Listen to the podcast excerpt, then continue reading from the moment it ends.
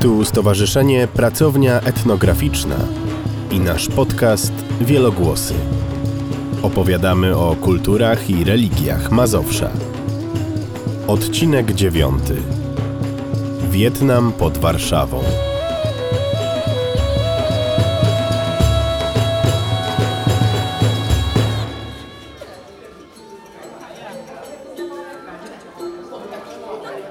Na samego początku, czyli około 30 lat temu, jak zaczęło właśnie tutaj pierwsze Wietnamczycy, które przyjechały w celu e, czyli handel, no, wszyscy myślą, że jak trochę zarabiają, to wracają do siebie.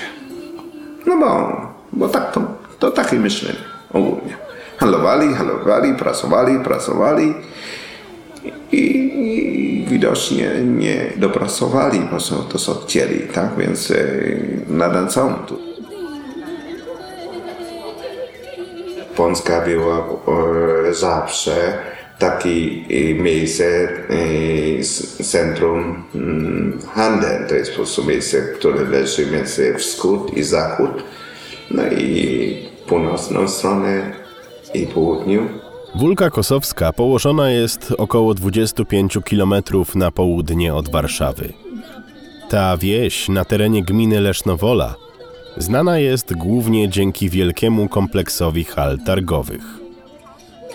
To największy w Europie Środkowo-Wschodniej punkt dystrybucji towarów sprowadzanych z Azji.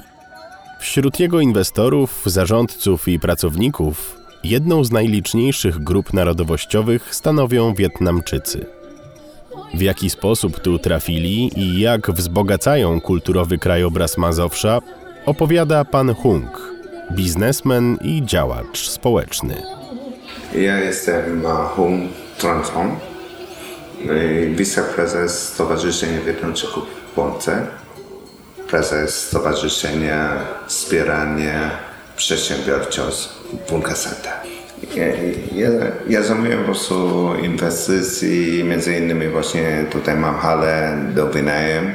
Poza tym e, prowadzę biznes, e, inwestycja e, z terenie Warszawy.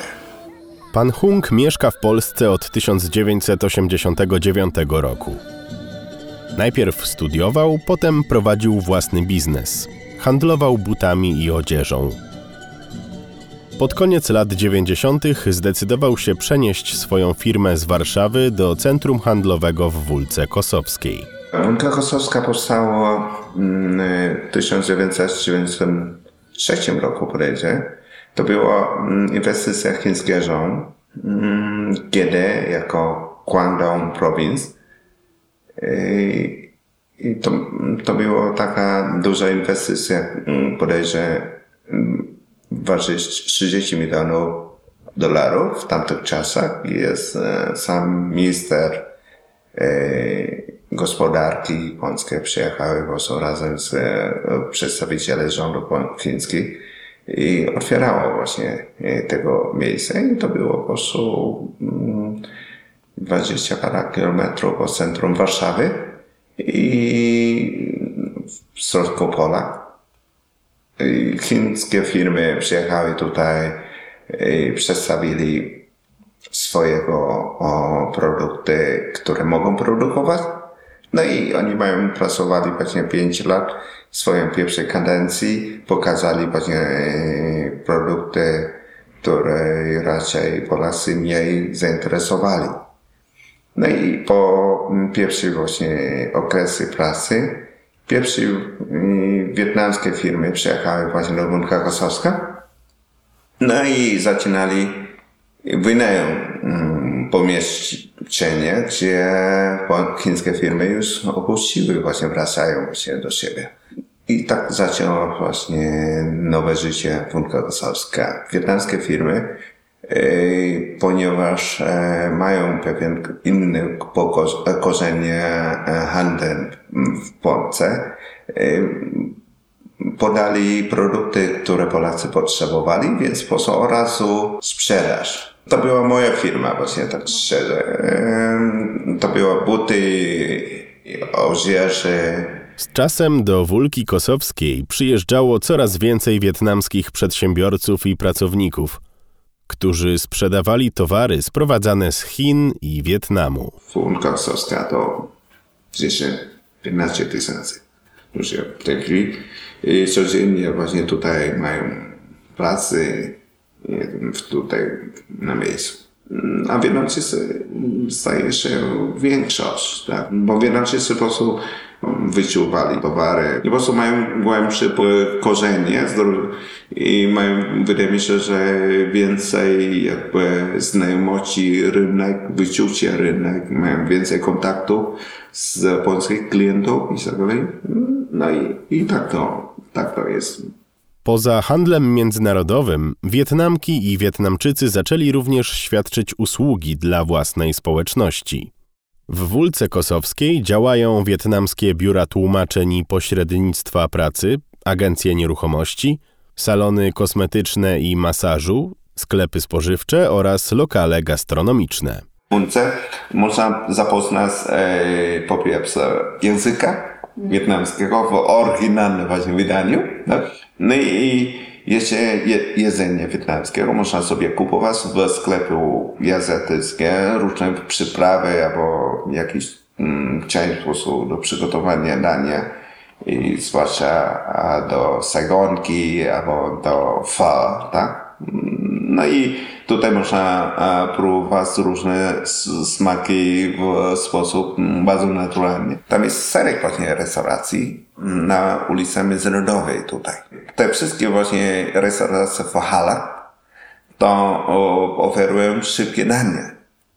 Tutaj w e, strefie gastronomicznej oferują bardziej bogatsze wyboru jedzenie i to wszystkie są oryginalne.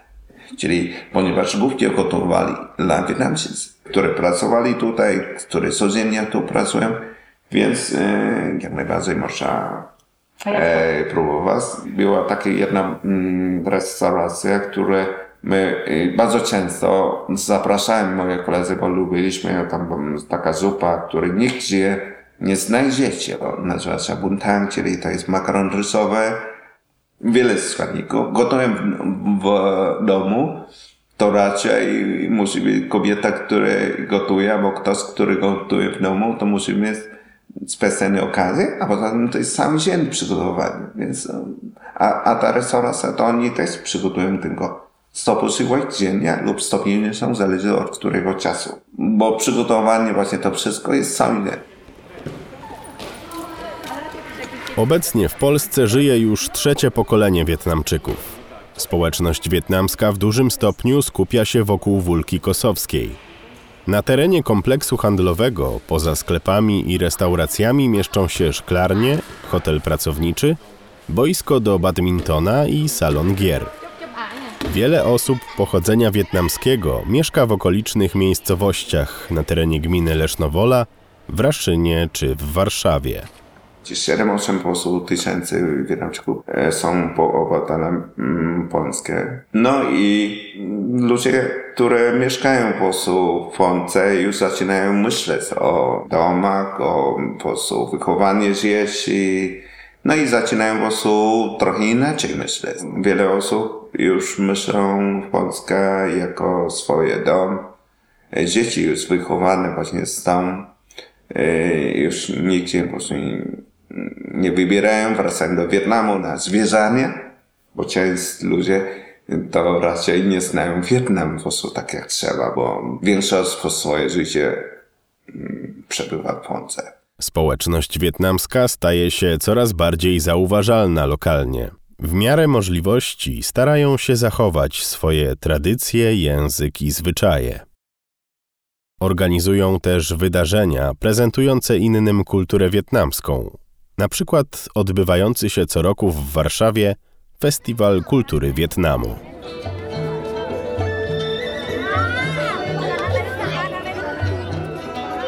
Wietnamczycy coraz więcej już są widoczni i no, pojawia się różne stowarzyszenia. Na początku pracują, e, te wszystkie stowarzyszenia działali Najpierw e, głównie właśnie ich zadanie było, żeby uzupełnić zapotrzebowanie stęgnienie właśnie za to, że ludzie e, będąc daleko od rodzin, no to zbierają razem, chociażby, żeby zjeść wspólnie wietnamskie danie lub śpiewanie właśnie czegoś co po wietnamsku. I, tak na początku, tak, a potem mm, coraz jest więcej stowarzyszeń Wietnamczyków. Powstało 23 lata temu. Powstało swoje stowarzyszenie kobiet, powstało kolejne stowarzyszenie młodzieży, biznesmenów i naukowców. Na Mazowszu funkcjonują też dwie świątynie buddyzmu wietnamskiego zwane pagodami. Jedna znajduje się w Laszczkach, niedaleko Raszyna, druga w Łazach, w gminie Lesznowola. Te świątynie można e, odwiedzić. No i poznać po prostu, tam czasami zorganizują po prostu pewien e, imprezy e, związane z tej e, albo tradycyjne właśnie naszego, tak jak chociażby ostatnio był festiwal e, środku jesienny.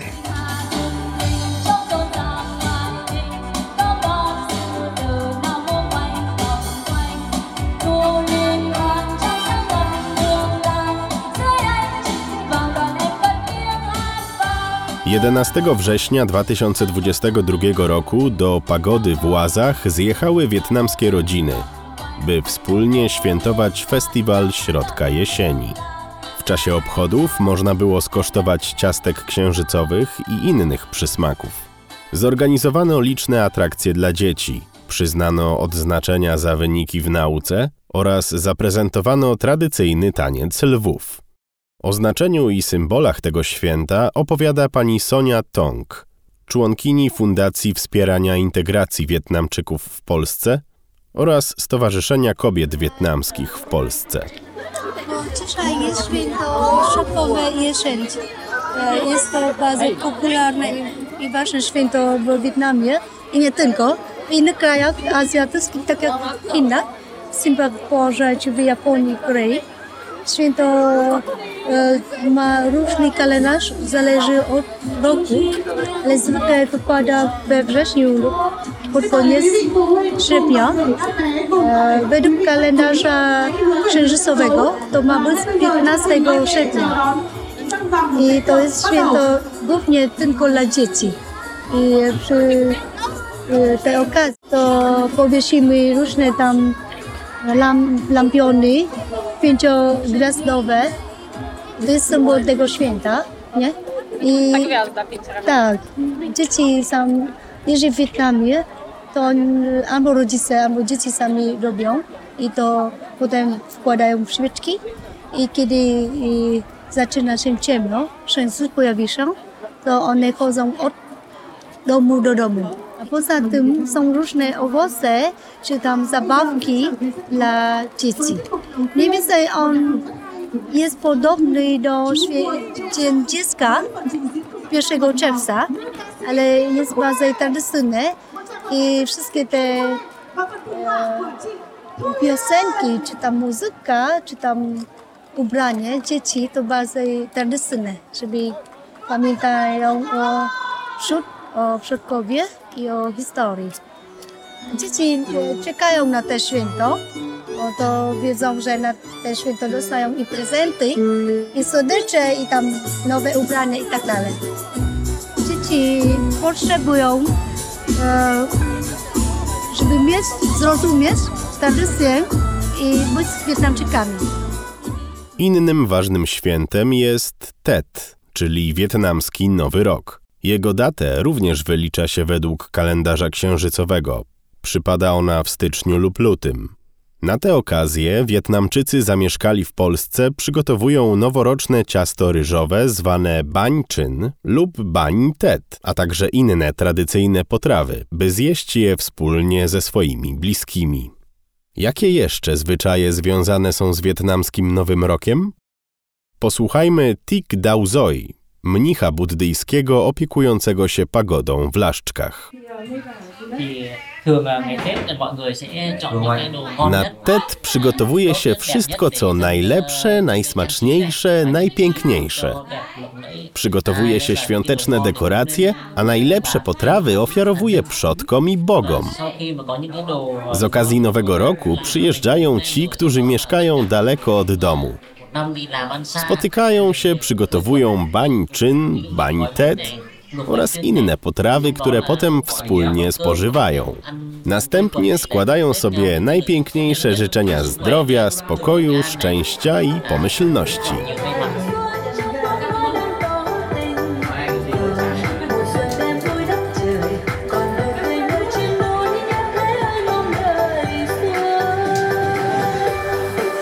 Tradycyjnie Nowy Rok świętuje się przez trzy dni.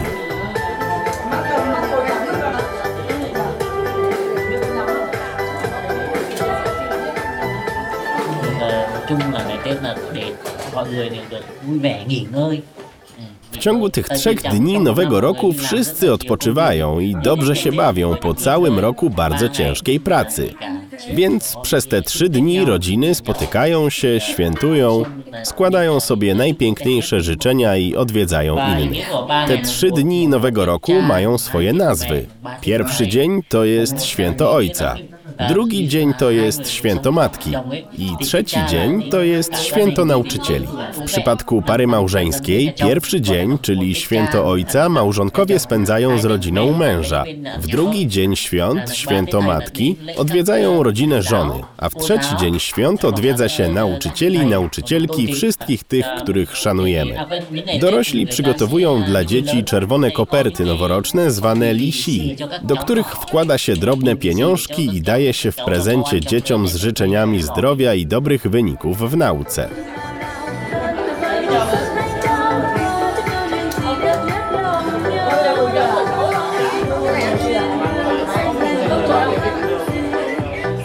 Pagoda z okazji TED przygotowuje wegetariańskie bań czyn i bań TED, będące tradycyjnym noworocznym symbolem darów ziemi. Organizuje też darmowy kiermasz świąteczny. Z tej okazji przygotowuje dla potrzebujących paczki zawierające produkty spożywcze, niezbędne do ugotowania wietnamskich potraw.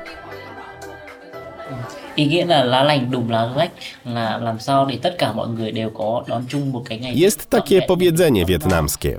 Mówimy, ładne, zdrowe liście okrywają zniszczone liście. Zależy nam na tym, żeby wszyscy mogli spędzać te święta noworoczne w cieple i dostatku. Skoro my mamy, to chcemy podzielić się z innymi tym, co niesie radość w te dni. I tak na przykład ten liść nie jest taki ładny. Jest mały i trochę podarty, więc robiąc bań czyn, wkładamy go do środka i otaczamy ładniejszymi liśćmi. Czyli biedniejszym ludziom przekazujemy dary. Otaczamy opieką tych, którzy tego potrzebują.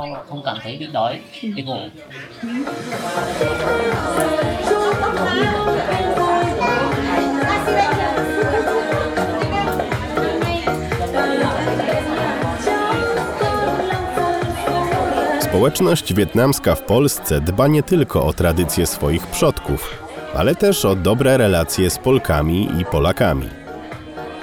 Jak podkreśla pan Hung, traktują Polskę jako swój dom. Ja tu przyjechałem w 1989 roku. To ja czuję bardzo kochany przed każdego Polaka. Tak, tak naprawdę właśnie taka jest. I nie tylko mnie, tak? Wszyscy moi koledzy, wiele osób właśnie jakby zostaje e, córkami polskich rodzin.